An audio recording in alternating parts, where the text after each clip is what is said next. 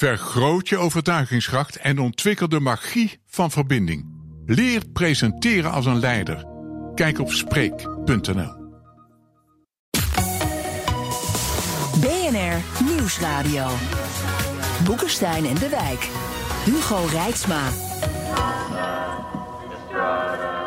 Zoals bij elke goede low-budget horrorfilm Four years ago, komt er altijd something happened. nog een vervolg. Yes, this does break international law in a very specific and limited way. Something so frightening. We leave the EU in a state of absolute grace. Now, from the creator of Evil Dead comes Evil Dead 2. Dead by Dawn.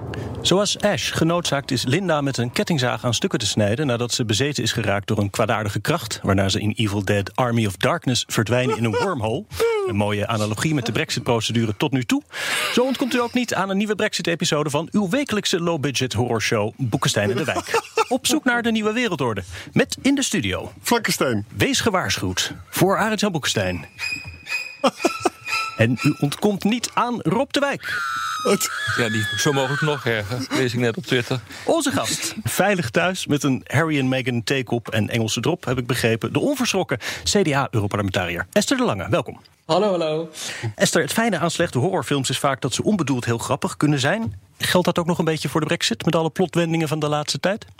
Nou, de parallel gaat nog wel meer op, denk ik. Omdat een heleboel mensen in de Europese. Een horrorfilm is ook heel vaak zo van. Je had het zelf niet kunnen verzinnen, zo slecht is het.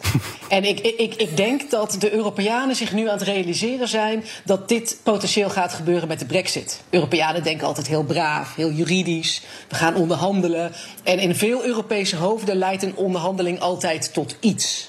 En ik denk dat de horrorcomponent is dat ze nu toch redelijk out of the box moeten denken. Ze hadden het zelf niet kunnen verzinnen misschien. Um, maar een no-deal uh, Brexit uh, is toch echt dichterbij dan ooit. Ja, nu premier Johnson uh, eigenlijk terugkomt op een deel van de, de scheidingsovereenkomst. terwijl nog gesproken wordt over de nieuwe handelsbetrekkingen. D dan kom je uit richting een no-deal. Ik kijk ook een beetje naar een knikkende Brexit-specialist Arend-Jan Boekenstein. Maar er is echt heel ergs gebeurd. Hè? Er, was dus, er was dus een deal. En, en, mag je, volgens internationaal recht mag je dat niet zomaar schenden. Dat is wat er nu gebeurt. Dat betekent dus dat Iran en China die kijken ook mee en zeggen van... hé, hey, als Engeland dat doet, dan kunnen wij dat eigenlijk ook wel doen. Dus alleen al die, dit soort optreden van Engeland maakt de wereld instabieler. Maar goed, het is natuurlijk gewoon ongelooflijk. De kans op een no-deal wordt nu veel groter. 80% zeggen de experts. Ah, en dat betekent... De boekmakers zeker. Ja. Die doen dat altijd zo. Dan moet je je voorstellen, dan gaat er straks krijgen we dus allemaal uh, vrachtwagens die in een grote rij staan te wachten. Dat kost allemaal geld. Is... Maar, maar, misschien voor Esther, wat, wat, is hier nou in wezen aan de hand? Want daar ben ik altijd wel benieuwd naar. Van hoe valt dit nu eigenlijk te verklaren? Is dit nou ja, een hele duidelijke exponent van die nationaal-conservatieve stroming... Eh, die voor protectionisme is, eh, eigen land eerst... Eh, geen grote internationale verdragen... en eigenlijk zich niet zo bekommert om de gevolgen hiervan? Of wat is het nou eigenlijk? Ja, volgens mij is het echt, want het is natuurlijk ook een verdrag, dat dat verdrag wat ze nu willen schenden, in a very specific and limited way, ja. dat is nog steeds het spenden, het, het schenden, sorry, ja. van, uh, inderdaad, ja, ja, inderdaad, uh, van een internationaal verdrag. En uh, hem, Margaret Thatcher, die riep een aantal decennia geleden nog, Britain doesn't break treaties. Nou, blijkbaar wel. Ja. Um, maar wat het volgens mij echt is, is een soort clash van twee wereldvisies. Namelijk de Europese, die gaat voor multilateraal proberen hè, grote uitdagingen samen aan te gaan. En inderdaad een stroming in die Britse conservatieve partij om ja. uh, Dominic Cummings heen, om die ERG think tank, um, ja, die echt een rare combinatie heeft van uh, nationalisme. En mijn Schotse, uh, mijn half Schotse collega, half Duits, half Schots, die roept altijd: let wel, Esther, het is English nationalism, niet mm. British nationalism. Mm -hmm. Uh, maar dus een rare combinatie van dat protectionisme, nationalisme en tegelijkertijd de wens van die jongens, hè, Jacob Rees-Mogg is er ook zo een, ja, om eigenlijk een heel economisch liberale koers te gaan varen. Maar stel je nou voor dat dit gebeurt. Hè? Dus we hebben een uh, brexit, no deal. Um, nou, dan is er geen akkoord. Wie wordt daar nou het grote slachtoffer van? Zijn het nou de Britten of zijn dat nou de Europeanen? Nou, dat zijn economisch gezien absoluut Britten. Ja, uh, en daar is onderzoek naar gedaan. Uh, ook aan Britse kant laten de onderzoeken dat zien. Uh, ook aan onze kant, de grote slachtoffers daarvan zijn de Britten. Want zij zijn afhankelijker van die Europese markt dan dat wij collectief afhankelijk zijn van hen. Uh, je ziet wel nu aan de Europese kant dat landen als Nederland, uh, België, hè, die dus veel handel hebben met het VK, dat die in Europa de grootste klap krijgen. Maar economisch gezien, vele malen groter is, is de klap aan Britse zijde. Nou ja, de vraag is of wij daar echt zoveel van gaan merken. Natuurlijk is het zo dat wij 10% van onze export in de richting van, uh, van het Verenigd Koninkrijk uh, verschepen. Maar tegelijkertijd, het woord verschepen geeft het al aan, het is een eiland. Er wordt uh, weinig verbouwd, er wordt weinig gemaakt, dus ze moeten importeren. dus ik vraag me werkelijk af of dat gewoon niet gaat gebeuren... en dat zij wel moeten een hogere prijs betalen. Hoe kijk jij daar tegenaan? Ja, kijk, dat is de logica altijd geweest in Europa. Van ze moeten wel, want A, ze zijn een eiland. B, zij zijn afhankelijker van ons dan wij van hen, et cetera, et cetera. Dus de gedachtegang was altijd, ze draaien wel bij. Um, men vond mij, ik heb eerder natuurlijk over dit onderwerp gesproken, men vond mij altijd een beetje negatief. Uh, want, want ik vertrouwde de Britten niet zo. In die zin uh, dat, dat ik altijd de optie heb opengehouden dat ze echt niet willen. Um, en het mooie was, ik, ik vroeg uh, van de week Donald Tusk, de oud-voorzitter natuurlijk mm. van de Europese Raad. En nu mijn baas, want ik ben vicevoorzitter van de Europese Volkspartij en hij is de voorzitter. Mm. dus in die zin mijn baas. Ik vroeg van, hoe zie jij dat nou? En hij zei van, de Britten hebben de onderhandelingen in zo'n situatie gemanoeuvreerd... dat ze eigenlijk richting een win-win koersen. Want ofwel Europa gaat toegevingen doen die in het nadeel zijn van Europa... maar in het voordeel van het VK, dus dan winnen ze... -hmm. Of er komt een uh, no-deal Brexit. En dan zijn die jongens om Dominic Cummings, et cetera, heen ook blij. Want dan botsen die twee systemen op elkaar. Dus hij zegt daarover: de partij. En hij heeft toch heel veel moeilijke onderhandelingen gedaan. Dus ik denk dat hij daar misschien wel eens gelijk in kan hebben. De partij die nu het best is voorbereid. en het, het meest bereid is tot een no-deal Brexit die wint deze onderhandeling. Ja. Nou ja, aan de andere kant, wat ik dus ook uh, voortdurend uh, zie, is dat uh, president Xi, China, Trump, Poetin. Die zijn allemaal bezig met Europa. Die willen allemaal die Europese Unie beïnvloeden. Ze willen allemaal een, een handelsakkoord hebben met de Europese Unie. Dat doen ze niet voor niks. Dus kennelijk valt er wat bij te winnen. En uh, deze week uh, heb ik gezien wat er gebeurd is met de videoconferentie met uh, de commissie en, en, en Xi. Mm. Dat is gewoon niet goed gegaan. En, tegelijk, en tegelijkertijd moet ik constateren dat, die, dat, dat Xi wel ongelooflijk graag een handelsakkoord wil hebben. Waarom zou het dan anders zijn voor de Britten dan voor Poetin, Trump en Xi? Oh ja, maar dat is het niet. Uh, het is niet anders voor de Britten dan voor al die andere landen die graag een handelsverdrag hebben. De Britten moeten er nog even achter komen. Dat ze in dezelfde nou ja, positie de, zitten. De vraag, is, de vraag is of dat voor hen de doorslaggevende factor is. Nee, en wij hebben altijd gedacht van wel. En jij denkt dat duidelijk nog steeds. Dus nee, nee, nee, nee, nee. Dat ik is vind niet dat geruststellend. Nee, nee, dat is niet wat ik zeg. ik vind dat geruststellend, want dan zouden ze moeten bijdragen. Nee, want ik heb altijd uh, hier ook wel gezegd van nou, de kans dat er een no-deal Brexit mm. komt. Vanaf het begin af aan heb ik dat gezegd. Gezien de, die dynamieken ja. die op gang is gekomen, uh, die is vrij groot. Uh, dat wil niet zeggen dat ik daar nou echt uh, een hele kist wijn op zou durven te zetten. Maar het lijkt nu wel. Maar een flesje wel, oké. Okay. Ja, het lijkt nu wel te ja. gebeuren. Met grote gevolgen van dien, want die kan je gewoon uittekenen. Maar Esther, ja. Esther Tusk zei ook van er is een special place in hell voor de Brexit. Weet je nog? Ja, misschien hebben jullie dat idee van die horrorfilm gewoon stiekem van hem gejat, precies, Precies. ja. Maar wat Tusk er ook mee bedoelde was, kijk, uh, Boris is nu verkozen omdat hij een deel van de, de Labour-stemmers achter zich heeft gekregen. Nou, dat is in, in een Singapore on the Thames scenario, dan wordt niet erg gezellig voor die jongens daar die, die op Boris stemmen. Dus hoe pakt dit nou uit? Dit kan toch nooit een duurzame oplossing zijn, ook voor de sociale cohesie in Engeland, maar ook de electorale voortzetting van de conservatieve partij? Nee, ze, niet duurzaam, wel heel erg duur. Want hij moet eigenlijk. Hij, ja, daar komt het op neer. Want hij moet eigenlijk twee partijen te vriend houden. Dus de jongens van de ERG, ja. die eigenlijk het liefst uh, de National Health Service zouden privatiseren. Nou, dan krijg je Amerikaanse toestanden. Als jij het je kan veroorloven, kan je naar het ziekenhuis, maar anders niet. Daar hebben ze echt al uh, he, uh, rapporten over gepubliceerd. Dus dat is die hele, ja, hele liberale lijn. Maar hij moet ook de stemmers in Noordoost Oost-Engeland, Ja. die vroeger altijd op Labour stemde, die moet hij te vriend houden. En die moet hij dus vooral aan het werk houden. En als dat door de markt niet meer gebeurt, door zijn liberale vriendjes, hè, en, en banen worden afgestoten, dan moet hij daar geld tegenaan smijten. En vandaar dat hij zo aan het zweten is over die staatssteun. Want hij heeft zich gewoon in een situatie gemanoeuvreerd. ehm, eh, waar hij met Europa afspraken moet maken over staatssteun. Ja, nogal wie dus als Ja. Noord-Ierland hè, met één been in Europa staat en één been in het Verenigd Koninkrijk. Maar ja. Hij wil het ook weer niet, omdat hij gewoon weet dat hij heel erg. Nou ja, bijna. eh, we, we, we, we zeggen altijd. eh, de Sociaaldemocraten die smijten met Ja, geld. maar hoor ik denk dat ik hij heb- ze links wil inhalen. Ik heb zo langzamerhand het gevoel van, joh, doe maar.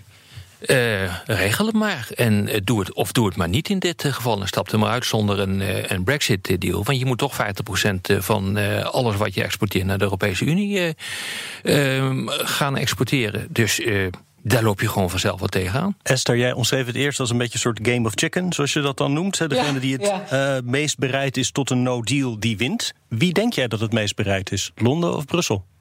Nou, kijk, daar kom ik eigenlijk ook even voortbordurend op wat Rob net zei. Eh, economisch gezien zou je inderdaad denken: ehm, eh, laat het ze maar doen. Ze komen Ja. er vanzelf wel eh, achter. En dat, dat is. ehm, een beetje not done om dat te zeggen, hè? zeker, zeker in, in, in Nederland. Eh, maar steeds meer mensen ook in Nederland gaan het zeggen, omdat ze het gewoon zat zijn. Ze zien dat de Britten willen cherrypicken, Ja. wel de voordelen, eh, niet de plichten die erbij horen. Maar dan komt Noord-Ierland om de hoek kijken.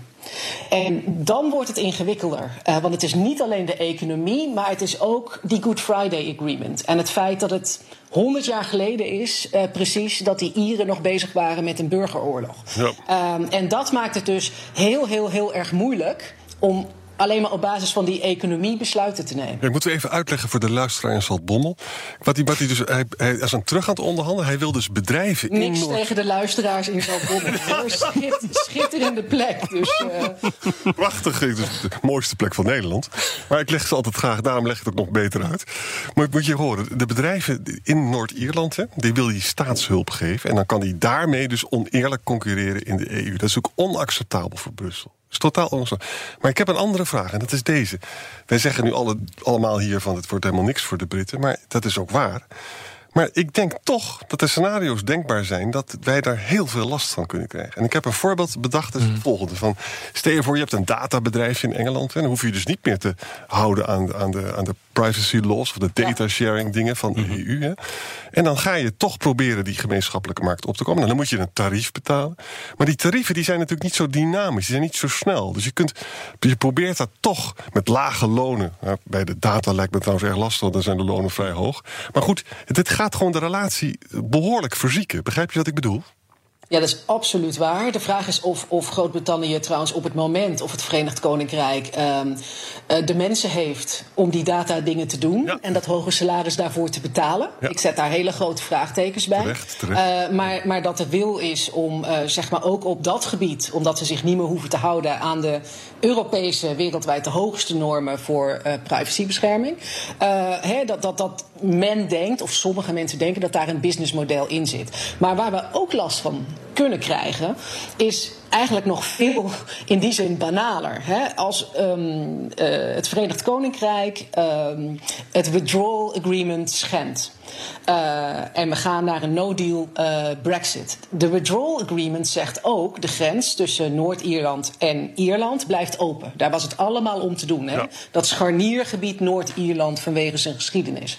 Op het moment dat er nou een no-deal Brexit is, wie gaat die grens controleren? Exact, exact. De, maar de, Brit- de Britten niet in Noord-Ierland. De Ieren, denk ik. Nou, daar mag bijna niet over gepraat worden hierover. Maar ik denk de Ieren ook niet, want die weten wat het betekent Nee, als je daar niet. grenswachten neerzet. En ik zie de Europeanen het ook niet doen, want dan moeten wij eh boot on the ground. Ja, maar de eh, Amerikanen hebben al gezegd. zetten. Pelosi Ja, en Biden ja. hebben gezegd van luister eens, als je dat doet, als je dus een Good Friday No agreement. trade eh, agreement, Dan ja. krijg je dus. En dat was de slagroom op de taart. Voor de Ja, Brexit. gelukkig maar. maar. Maar zij zitten ook helemaal aan de andere kant van die Atlantische Oceaan. En wij zitten er bovenop. Dus dat kan nog heel erg heet en heel erg spannend Ja, maar ik denk wel dus dat je daar keihard in moet eh, zijn. En ze- moet zeggen van, dan moet je horen vriend, eh, je doet dit nu. Je, je doet het ook op eigen risico. En eh, dat betekent dus feitelijk dat je zelf uh, deze hele deal gaat uh, opblazen en je bekijkt het maar. Als je dat niet doet, dan denk ik dat je echt een probleem hebt. BNR Nieuwsradio. Boekenstein en de Wijk. Op zoek naar de nieuwe wereldorde. Dit is Boekenstein en de Wijk. En dat programma is natuurlijk niet zonder Arend-Jan Boekenstein en Rob de Wijk. Mijn naam is Hugo Reitsma en onze gast is Esther de Lange, Europarlementariër voor het CDA. We hadden het al even over eh, concurrentie, over staatssteun, over eigenlijk het businessmodel van Brexit Britain. En daarbij wordt dan wel eens verwezen naar Singapore. Is dat een, eh, een, een logisch model dat Johnson Co. kunnen nastreven? Lage belastingen, lage regels. Maar je kan dat Singapore dan niet zomaar op Engeland plakken. Dit is een autoritaire staat. Staat waar nou, dat is uh, wel in goede handen hoor, bij Boris Johnson. ja. Nee, nee, sorry, sorry, hoor, maar hij gaat wel natuurlijk die kant op. Hij, vo hij hij hoort ook bij die stroming, bij die nationaal-conservatieve stroming, die dat omarmt. Dat zijn gewoon mensen die, laten we zeggen, uh, meer hebben met, met Poetin dan met, met Brussel. Ja, ik kan er verder ook niks aan doen. Maar weet je, maar in breder verband, het is, het is een eiland, hè, een, city-state, toch? Met een zeer hoog opgeleide bevolking. Het is een prachtige hub, heel mooi gelegen. En, daar komt het, ze zijn onderdeel van die Zuidoost-Aziatische Unie, waar ze dus die markt ook op kunnen. Engeland heeft dus straks geen handelsverdrag met Amerika, ook niet met de Europese Unie. Hier zie je dus het grote verschil tussen Singapore. Waar moeten die Natuurlijk. Britse producten naartoe? Nee, 50% gaat naar Europa. En je hebt je gewoon aan de Europese standaarden houden. De Amerikanen komen daar ook achter. Dat zie je met die Data Protection Act. dus uh, je, je, moet ook als Amerikaans bedrijf moet je daar gaan houden, aan houden. Wil je dus ja, je website uh, voor Europeanen toegankelijk maken. En die interne markt is zo groot en zo belangrijk... dat ook Amerikaanse bedrijven zich allemaal aan de Europese standaarden gaan houden. Willen ze gaan exporteren. Dus dan moet Engeland dat sowieso ja, Dat gaan ze natuurlijk sowieso uh, doen. Dus ik bedoel, uh, het feit dat je het idee hebt dat je dat niet zou kunnen doen... ik bedoel, hartelijk gefeliciteerd. Doe vooral je best. China slaagt er niet in, Amerika slaagt er niet in... nou, Rusland slaagt er überhaupt nergens in. En Esther, ben je het ermee eens? Zo even ja knikken aan de tafel. Absoluut, jongens. Nou ja, kijk, um, een aantal elementen hebben we al gepakt hè, van dat Singapore, eh, Singapore of uh, aan de Theems. ze hebben de mensen niet hoog opgeleid om datzelfde te doen als wat ze in Singapore ja. doen. Ja. Um, maar ik denk vooral dat um, Johnson zich heel erg in een situatie heeft laten manoeuvreren door mensen die dit misschien echt willen en echt denken. Hè. Denk ook even terug aan de advertentie, de personeelsadvertentie die Dominic Cummings uh, zette nadat Boris, of misschien nog wel in de campagne, uh, werd uh, gekozen. en hij deed een job ad, nee, voor mensen die specifiek met data aan de slag moesten ja. voor de Tories. En daar vroeg hij om weirdo's en misfits with ja. off skills. Dus in gewoon Nederlands totale gekkies die hele vreemde trucjes kunnen met data. Nou ja, dat is natuurlijk ook zijn achtergrond. Dus dat Dominic Cummings denkt van ik ga daar hele mooie dingen doen uh, met databedrijfjes die Europa helemaal plat concurreren. Dat zie ik wel in. En ik denk dat Boris gewoon. Het is een goed, klassiek opgeleide man. Maar ik denk niet dat hij dit heeft kunnen voorzien. Waar, dat hij zich nu in deze situatie zou bevinden. En wat er ook leuk is, uh, is dat hij de relatie met China heeft verpest. Want je zou denken, de, China is een volback optie voor, um, voor Engeland. Maar inmiddels in verband met die kwestie Hongkong en het aanbod wat hij ja. heeft gedaan uh, aan uh, degenen die daar wonen en voor 79, uh, 9, 97 daar al woonden, dat die dus naar Engeland mogen komen en daar een paspoort eh, krijgen heeft het natuurlijk ook op rampkoers gebracht met, met onze grote vriend Xi. Hij heeft uh, 5G uh, verbiedt hij nu om dat te laten aanleggen door, uh, door Huawei en uh, ZTE. Dus die relatie is ook niet best. Bovendien, China ligt zo ver weg dat hij nooit meer dan pakweg 10% van zijn totale handelsvolume die kant op kan krijgen. Ongeveer net zoals Duitsland zou het een, een mega-overwinning zijn die hij geboekt heeft. Dus dat is het ook niet. Dan hebben ze gedacht van nou, dan kijken we gewoon naar het gemene best. Maar inmiddels zie ik dat Barbados ook al wil uittreden. Dus dat heeft ook niet heel veel zin. Ja, en bovendien, uh, die landen uit het gemene best hebben ook uh, destijds, uh, of, of uit de oud, zeg maar, invloedssfeer, zo moet ik het zeggen, van het Verenigd Koninkrijk. Um, op het moment dat nou, dik een jaar geleden al uh, het Verenigd Koninkrijk eerste gesprekken ging voeren, misschien al twee jaar geleden, met India ja. uh, voor een handelsverdrag. Het eerste wat India zei, van dat was goed, maar dan moeten we wel eventjes afspraken maken over het vrij verkeer van personen. Ja. tussen India en het Verenigd Koninkrijk. Nou, het vrij verkeer van Polen naar Londen was nou juist de reden dat een heleboel mensen ja. uh, voor Brexit stemden. Um, je ziet trouwens nu de consequenties van het feit dat die Europeanen weer terugtrekken naar, naar het vasteland. Um, en, en ja, de meest schijnende plek waar je dat ziet is natuurlijk in de National Health Service. Ja. Er zijn heel veel nurses um, verdwenen, terug naar Portugal, et cetera.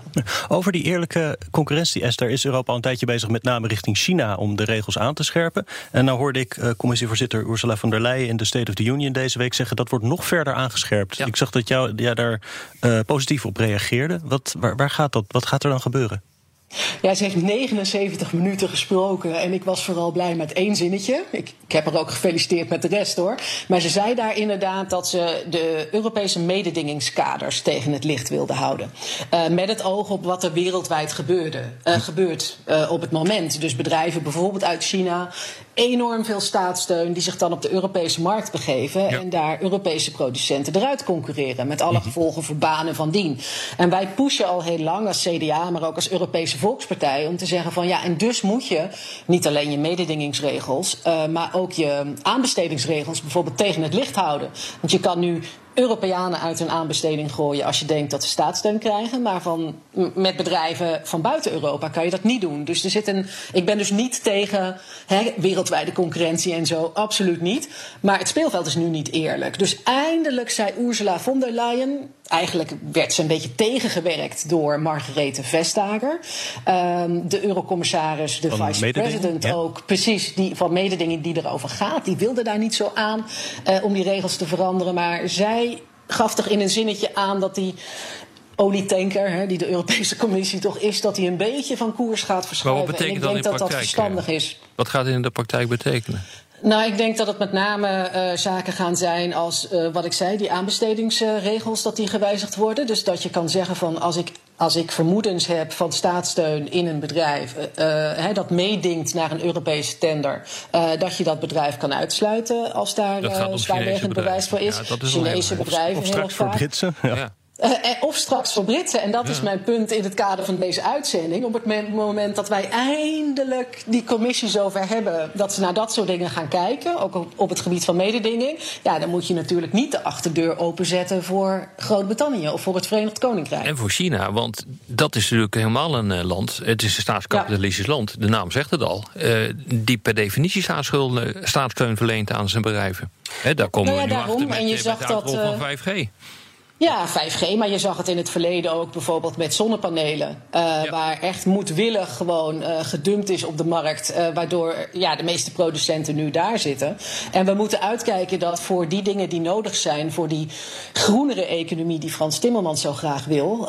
die schonere en slimmere economie. Komt bijvoorbeeld uit China hoor. Ja. Batterij, batterijtechnologie ja. voor auto's en zo. Moeten er echt over waken dat we een deel van die kennis en ook van die productie gewoon in Europa houden. Ja.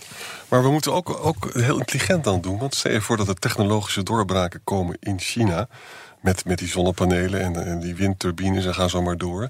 Ja, je wil natuurlijk niet uh, dat, dat Europa daar geen toegang tot heeft. Hè. Bijvoorbeeld, neem nou. Uh, we hebben nu die bussen gekocht, toch? In, in uh, Zuid-Nederland, die, die elektrisch nee. zijn. Het was Oost, toch? En, en, en dat ligt nu stil. Oh ja, Omdat er bij. Ja, nou, dat was in, in, in, in een drietal provincies, geloof ik, in het, in het uh, Gelderland, Flevoland. Nou, die kanten op. Um, en daar kwam inderdaad een Frans bedrijf voor groen openbaar vervoer uh, kwam als beste uit de bus. Maar vervolgens bleek dat zij de daadwerkelijke bussen grotendeels uh, in China gingen kopen bij een bedrijf waar echt vermoedens zijn van staatssteun. Ja. Maar dat is.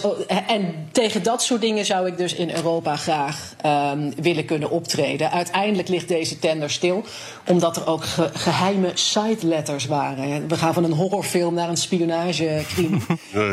um, maar goed, dat zijn, dat zijn details. Maar het zijn precies dit soort voorbeelden. Ook het screenen van investeringen. Wij willen niet dat bepaalde kritische sectoren, denk aan eh, delen van de defensieindustrie, maar denk ook aan energienetwerken, et cetera. Ehm, ja, wil je echt in Europa dat die grotendeels in handen van, van Chinezen verdwijnen, zoals in Portugal bijvoorbeeld al het geval is? Ik denk dat je daar heel erg eh, voor moet uitkijken. Maar als ik Arend Jan zo hoor, dan klinkt hij meer als een rechtgeaard liberaal die zich zorgen maakt over protectionisme. Dat is weer de andere Maar, kant maar op. kijk, alle argumenten van Esther kloppen natuurlijk. Hè. Je moet, eh, je moet, staatssteun is gewoon oneerlijk. Daar moet je wat tegen kunnen doen.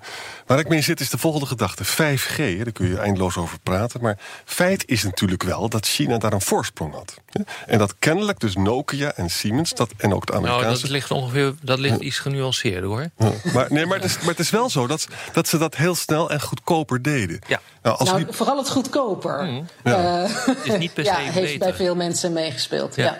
Meer over het Singapore-model straks bij de luisteraarsvragen in de podcast. Maar op de radio moeten we afronden, ben ik bang. Luistert u op de radio, dan verwijs ik naar Apple Podcasts, Spotify of bnr.nl. Waar zijn mijn vragen? H. Houwerzeil vraagt... Gaat de brexit wel door op 1 januari? Ik hoor niet veel van Boris daarover. Ja, Ik nee, weet het niet. Als er geen deal is, als er geen deal is, dan houdt het toch gewoon op. ja. Ja. Ja, het- we, we, we rennen gewoon als een soort. We rennen op volle snelheid richting Lemmingen. Ja, ik wilde het niet zeggen, maar ik heb het idee in je hoofd geplant, duidelijk. Ja. Ehm, eh, er, er is gewoon een cliff. eh, Ja, cliff die overgangsperiode houdt gewoon Oh, ja. op. Daar dus, ja, Ja. Gaat gewoon gebeuren. Als er geen deal is, gaat het Ja, gebeuren. Ja. Jan-Pieter zegt, komen er douanehokjes langs de eerste grens bij een no-deal? Zo ja, wie gaat die plaatsen? Oh, nou, daar hebben we het eigenlijk al. dus Jan-Pieter al bediend? Waarschijnlijk niemand. En Esther heeft, er iets heel interessants over gezegd. Want dat betekent dat niemand dat Ja, gaat wie doen. gaat dat doen? Ja, precies. En Ja, als niemand dat gaat doen, dan, dan is dat een recept voor enorme oorlog. Hè? Nou ja, Nou ja, en, en, voor Ja, nadeel voor de. EU. Ja. In dit programma is het dan oorlog. Gewoon derde wereldoorlog.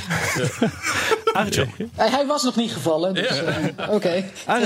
Joris. Hillebrand eh, zegt... aangezien mijn vraag in Europa draait door niet helemaal beantwoord werd... hierbij nogmaals. Wat is de procedure, met enige nadruk hier... om tot dat Noord-Ierse referendum over aansluiting bij Ierland te komen? Wanneer kan dat worden uitgeschreven? Ja, dat is inderdaad een punt. Weet jij nog hoe dat zit, Jan? Of? Een Noord-Iers referendum. hij Ja, wilde hij praat over Ja, de ja, vereniging van Ierland. Ja, dat komt nu kan. dichterbij. Dat zit, in, dat zit in het verdrag, maar ik weet Ja. niet meer hoe dat precies Ja, daar zitten bepaalde waarborgen in. Hè, Dat beide kanten moeten instemmen of zoiets dergelijks. Ja. Maar het is natuurlijk eh, geen geheim dat eh, ten opzichte van het moment dat de Good Friday Agreement werd gesloten. de katholieken zich iets beter hebben voortgeplant dan de protestanten. Dus Ja. de, de bevolkingscijfers liggen Ja. wat meer in het voordeel van de katholieken. Dus Ja. ehm, daar wordt echt op gezinspeeld, inderdaad. dat een no-deal Brexit heel snel eh, kan leiden tot een verenigd eh, Ierland. Zeker, en dat kan zomaar gebeuren. En de Noord-Ieren voelen zich ook eh, onder de bus geworpen door, de Verenigd, door, door, door Boris. Nou, de helft ervan. De helft, ja. Ja, ja, ja. Reinier Bosman ehm, benadrukt allereerst dat hij veel meer verstand heeft van Brexit dan jullie, Rob en Arjan. Oh, dat, is, dat, dat is, maar goed, dat is makkelijk zat. Dus, Daarnaast eh, zegt hij: eh, Brexit is niet echt een economische exercitie, maar een geopolitieke. Het VK richt zich naar Azië, ook militair, en wil in Europa de NAVO overeind houden als methode om een EU-leger te stoppen. Ach jongens, wat, nou, hij, heeft er, hij heeft er wel echt verstand van. Een Ja, dat- complotdenker, dat is wel leuk. We hebben een complotdenker. Nee, maar kijk eens. eh, Het is meer politiek in dan handel economisch. is er een ijzeren wetmatigheid. Namelijk dat de transactiekosten hoger worden naarmate je ver van huis gaat handelen. Proximity, nabijheid. Ja, dus ik bedoel, het is niet voor niks dat 50% van de handel eh, naar Europa gaat. Dat zal ook gewoon zo blijven. Kijk naar Nederland. Eh, Het grootste deel van de handel gaat naar de buren toe. Het grootste deel van de handel van Duitsland, dat een enorme eh, gang heeft gemaakt in de richting van China. Hoogste van Europa is nog steeds maar 90% van de, 9% van de totale handel. Ja. Het, het ligt gewoon te ver weg. Het wordt gewoon te duur. Klaar. En plus toch nog- eh, nog een eh, aanvulling voor deze, deze complotdenker. Hij is dus ongelooflijk bang voor de Europese krijgsmacht. Dat is duidelijk, hè? Hij moet misschien Maar die even... gaan er helemaal niet komen, jongens. moet, hij moet misschien de New York Times even lezen. Dat Trump tot drie Ja. keer heeft gedacht van... ik ga misschien wel Amerika uit de NAVO trekken. Hey, ik moet het zo- opnemen voor Renier zo meteen hoor. Ik vind het wel heel Doe- dat maar, Esther. Doe. Ja. Ja, nee, maar hij heeft. Kijk, ik heb natuurlijk wel gezegd. er is een clash tussen twee politieke systemen. En daar heeft hij wel gelijk in. En dat is iets waar waar te weinig naar gekeken wordt. Waardoor wij maar blijven denken als je eenmaal aan tafel zit. en er ligt iets op Ja, papier, zwart ja, of wit. dan kom je er uiteindelijk Ja. uit. Dus daar heeft hij wel een punt hoor. Eh, over de rest spreek ik me niet uit. Maar daar, dat een- twee politieke Ja, systemen eh, zijn Ja. die botsen, absoluut. Ja. Reinier is je dankbaar. Jos Hummelen vraagt: wat hebben ze in potentie in Londen wel dat ze niet in New York, Frankfurt en Amsterdam zullen hebben? Niks. V- Nou, Fintech. volgende, volgende. Ja, nee, nee, nee. Clearinghouses, dear people. Eh, ja. ik wil het niet te Ja, technisch nog, maken. nog maar even wel, precies. ja. Maar op het moment dat je een Eh, eiland bent... eh, wat een beetje hangt tussen klopt. Amerika en Europa... dan eh, wordt die is een tijdelijk heel probleem. erg Maar dat- lastig. eh, ja, exact. We moeten Ja. we snel overnemen als Europa zijnde. Maar dat is nog niet gebeurd. Nee, Dan halen we de clearinghouses naar Amsterdam. Ja. Matthias van Alphen eh, zegt graag een Singapore aan de Theems. Dat legt de lat hoog voor de EU om te concurreren op aantrekkelijk Zo komen de liberale inslag van de Britten via de achterdeur gelukkig weer het Europarlement binnen. Goed voor Nederland, toch? Ik zou, ik zou eens gaan vragen aan Poetin, Xi of Trump... of ze het heen zijn met deze constatering. Want die proberen op alle mogelijke manieren... die Europese interne markt in eh, te komen. En dat doen ze ook, maar ze moeten zich gewoon aan de Europese regels houden. Punt uit. Ik bedoel, het gaat om 60 miljoen eh, Britten... en het gaat om 450 miljoen eh, Europeanen. En eh, Barnier heeft ook al een keer fijntjes opgemerkt toen... Engeland vroeg, Boris Johnson vroeg, of wie het ook was... van jullie moeten ons wel als een gelijkwaardige partner behandelen. Dat zijn ze gewoon niet. Punt uit. Ja. En beleidsconcurrentie is natuurlijk allemaal leuk en aardig, maar het EU-model is dan een gelijk speelveld. En dat betekent dat je dus beleidsconcurrentie tempert. Ja. En eerlijk gezegd zie ik geen goede methode om met beleidsconcurrentie, dus buiten die EU, toch die EU binnen te komen. Hierop eh, de volgende vraag van Ruud Tax. Die zegt, is harmo- Europese harmonisatie van winstbelasting en vestigingsklimaten niet het antwoord op brexit? Ja, Ja, dat zei je net. Nou, alsjeblieft. Volgende vraag. Eh, Limbo Trader, zal het VK een lage lonenland worden? ja. Dat is de enige de kans die ze nog hebben. En, er komt, en er komt ook sociale onrust. En dan komt er weer een glorious revolution. Eh, dat is een interessant punt. Want als je dus inderdaad een laag loonland eh, gaat worden... de Brexiteers, de mensen in de, in de Rust Belt... of hoe je het ook allemaal zou willen noemen... die hoopten op verbetering. Met andere woorden, als je dus nu een situatie krijgt... waarin eh, de mensen eerder verarmen dan dat ze het beter krijgen... dan hou ik mijn hart vast van wat er gaat gebeuren in het, eh, in het Verenigd Koninkrijk. Want ze zijn gewoon dan echt besodemieten. Ik weet niet, Esther, wat jij daarvan, hoe, hoe jij daar tegenaan kijkt. Maar ik denk dat dit wel echt een grote opkoker gaat worden... als inderdaad die no-deal brexit eh, er gaat komen. Ja, vandaar dat eh, Johnson zo graag met die staatssteun aan de slag wil. Ja. Want hij weet dat hij eh, die mensen tevreden moet houden. Ja. En in, in, vo- voortbordurend op ook de vorige vraag. Er is helemaal niks mis met de sociale markteconomie. Eh, die voor een markt is, maar daar wel de perverse kantjes van afhaalt. En zeker voor de mensen in bijvoorbeeld streken als Noordoost-Engeland. Ik ben wat dat betreft een heel ouderwijs, ouderwets meisje van Adenauer en dat soort types. Ehm, dan gaan de mensen in Noordoost-Engeland echt willen. Ja. Eh, in die zin dat ze niet vertrokken waren. Kijk naar Eh, China want tijdens eh, buiten de, dat systeem de vallen, dat wil je niet. En de, en de crisis die daardoor ontstond. Eh Xi Jinping die heeft echt gewoon gedacht van... we moeten even eh duimschroeven aandraaien. Want door die eh, enorme crisis waarin we zitten... zou het best kunnen zijn dat de mensen in opstand gaan komen. En dat is Ja. echt een groot probleem hoor. Conclusie dus voor de mensen van het Singapore aan de Theems... als dat er komt, ziet het er somber uit. Ik zou er dan liever niet willen wonen. Dat is een ding dat zeker is. Sociale marktwirtschaft is heel wat aangenamer. Ja, er is toch niks mis mee. Nee. Daarmee was dit weer Boekenstein naar de Wijk. Namens Arends en Boekenstein op de Wijk zeg ik dank voor het luisteren. Speciale dank aan Esther de Lange. En tot volgende week.